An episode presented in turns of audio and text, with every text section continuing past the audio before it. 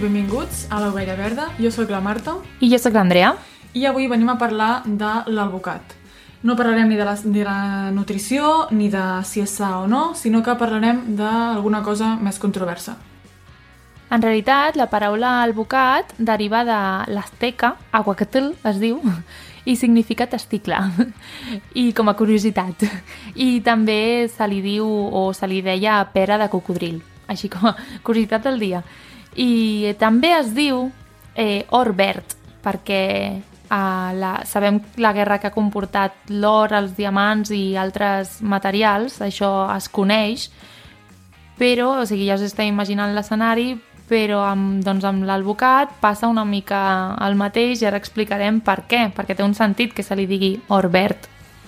Sí, de fet l'alvocat ara mateix és una moda, vull dir, està molt, molt de moda, tothom en consumeix, eh, inclús diàriament. Um, s'ha dit i, i s'han fet estudis de que és un superaliment, no? té molts beneficis nutricionals, és molt saludable i sobretot en dietes basades en plantes s'utilitza moltíssim. També queda molt bé Instagram, vale? és molt instagramiable. sí, sí, sí. I s'ha fet moltíssim màrqueting per uh, aconseguir doncs, aquesta imatge de l'alvocat. Realment abans no tenia tanta popularitat i en els últims anys, no sé, des de la dècada dels 90, s'ha popularitzat moltíssim a tot el món. Cosa que ha fet incrementar el seu consum. Primer parlarem una mica de la producció, de les importacions i les exportacions. La producció de l'alvocat té lloc mm, en climes típicament subtropicals o tropicals i mediterranis, on el consum d'aigua, en general, és alt. En termes de producció, Mèxic és el major productor d'alvocat al món i Michoacán, una regió de Mèxic, concentra més del 80% de la superfície total sembrada del país.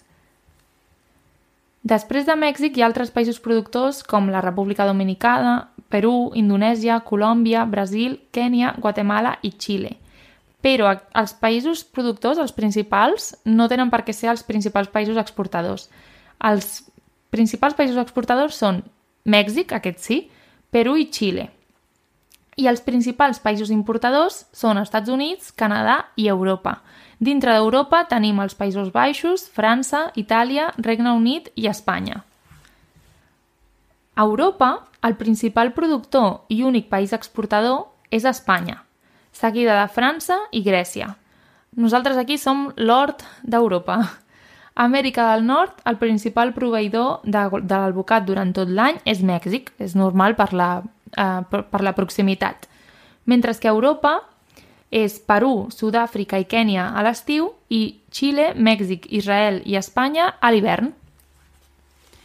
I hem comentat que hi ha moltíssim consum d'alvocat, segur que ho podeu veure en les vostres pròpies carns, no? en el dia a dia, en fruiteries, en supermercats, on sigui. I és que, de fet, el mercat dels alvocats es troba entre els que han crescut més ràpid de tot el món. I en el consum també. De fet, hi han projeccions que mostren que l'alvocat estarà entre el sector de més ràpid creixement de l'agricultura, especialment a l'Amèrica Llatina, on s'espera que l'exportació de l'alvocat augmenti en aproximadament un 100% durant el període del 2016 al 2028.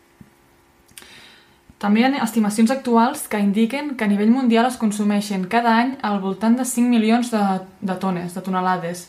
De fet, bueno, ja ho veiem, no és un negoci milionari, mm, són molt populars i aquesta popularitat, sobretot a Europa, a Amèrica del Nord i a algunes parts d'Àsia, doncs està relacionada amb tendències d'estil de vida, possibles beneficis per a la salut i sobretot també molt de màrqueting. Clar, tot això comporta uns impactes, ja que si, és a dir, el consum, l'augment la, de demanda ve acompanyada d'un augment de la producció i un augment dels de, impactes, i podrem parlar dels impactes socials i ambientals. A veure, com a impactes socials és veritat que eh, aquest, tota aquesta producció ha portat mm, beneficis, podríem dir, econòmics. És a dir, hi ha un augment de llocs de treball i es diu que s'ha reduït la pobresa, però en realitat, a veure, això... És una això... falsa veritat. Això és sí. una veritat a mitges.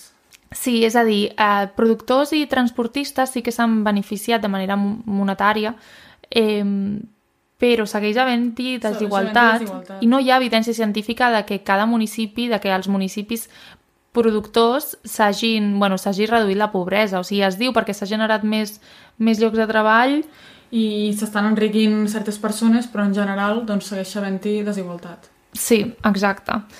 També hi ha pressió de les multinacionals als petits productors. I aquí sí que flipareu una mica, tal com vam fer nosaltres quan, quan ho vam descobrir, però els càrtels, es diuen càrtels? Sí. Els càrtels, els narcos, s'han fotut de ple en el mercat de l'alvocat. Hi ha extorsió, hi ha segrestos i hi ha assassinats. Eh, perquè dona molts diners, més diners que la droga, l'alvocat, per tant volen controlar el mercat. I la població civil, de, sobretot, o sigui, tot això a Michoacán, a Mèxic. I la població civil de Michoacán s'ha hagut d'armar, amb permís de la policia i del govern, que els recolza, els hi dona suport, eh, per poder defensar un, una ciutat concreta de Michoacán, que es diu Tancítaro, i, i controlen qui entra, qui surt, i llavors sí que és una ciutat que està més o menys controlada gràcies a les armes, a que la població civil s'ha armat. Però... Però És molt fort que hagin hagut d'arribar a armar-se per Sí. poder tenir tranquil·litat, no entre cometes, perquè clar... sí, però fora de, fora de Tancítaro, en la resta de, de la regió de Michoacán, que és on està realment el 85% de la producció del bocat, eh, és un caos i es recomana no visitar aquest, aquest, aquesta regió. És molt fort. Ja, és que és, està la màfia allà ficada, està el crimen organitzat, el crim organitzat. Mm, Sí. Està segrestant persones, familiars, hi ha extorsions per dir, doncs, o em pagues el rescat, em pagues o l'advocat o les persones o les teves familiars, o em pagues cada cop que exportis, em Exacte. pagues a mi, a les bandes, o, o, o és que ho admetem. I és així, això està passant per negoci de, de l'advocat. Clar, això està passant a Mèxic, també hi ha altres països grans productors que tenen altres problemàtiques socials. Mm, comencem per la premissa de que per, per produir un alvocat es necessiten un mínim de 68 litres d'aigua. Hem trobat altres estudis que diuen fins a 300, però bé, de, un mínim de 68 litres per un alvocat.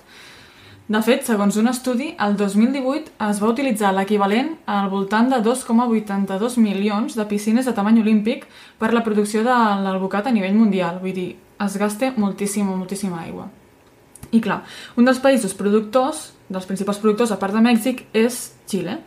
Què passa a Xile? Que de per si ja hi ha poca aigua, no? I a, i a part aquesta aigua està privatitzada. Això ja venia d'abans, però l'aigua està privatitzada. Llavors, la producció de l'alvocat té una repercussió directa sobre la població. Per què? Doncs perquè ja sabem que l'alvocat triomfa, però està acabant amb les escasses reserves d'aigua del país.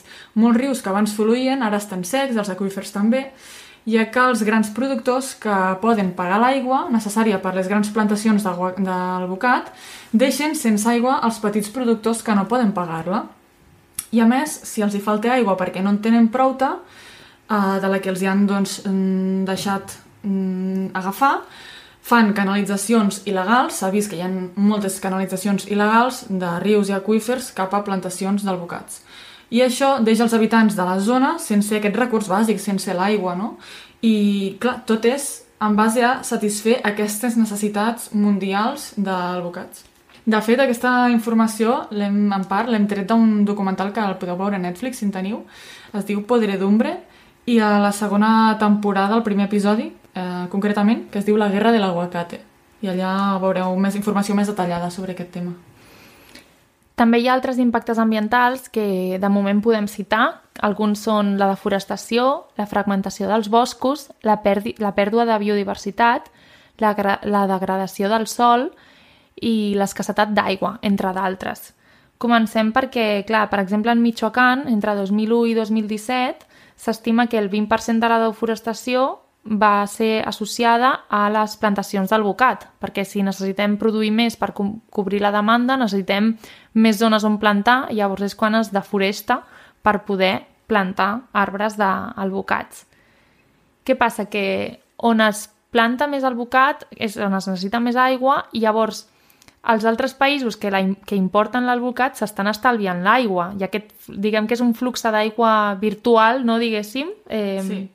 Que és, eh, ja va des, de, des dels països que ja tenen escassetat d'aigua a països que se l'estan estalviant.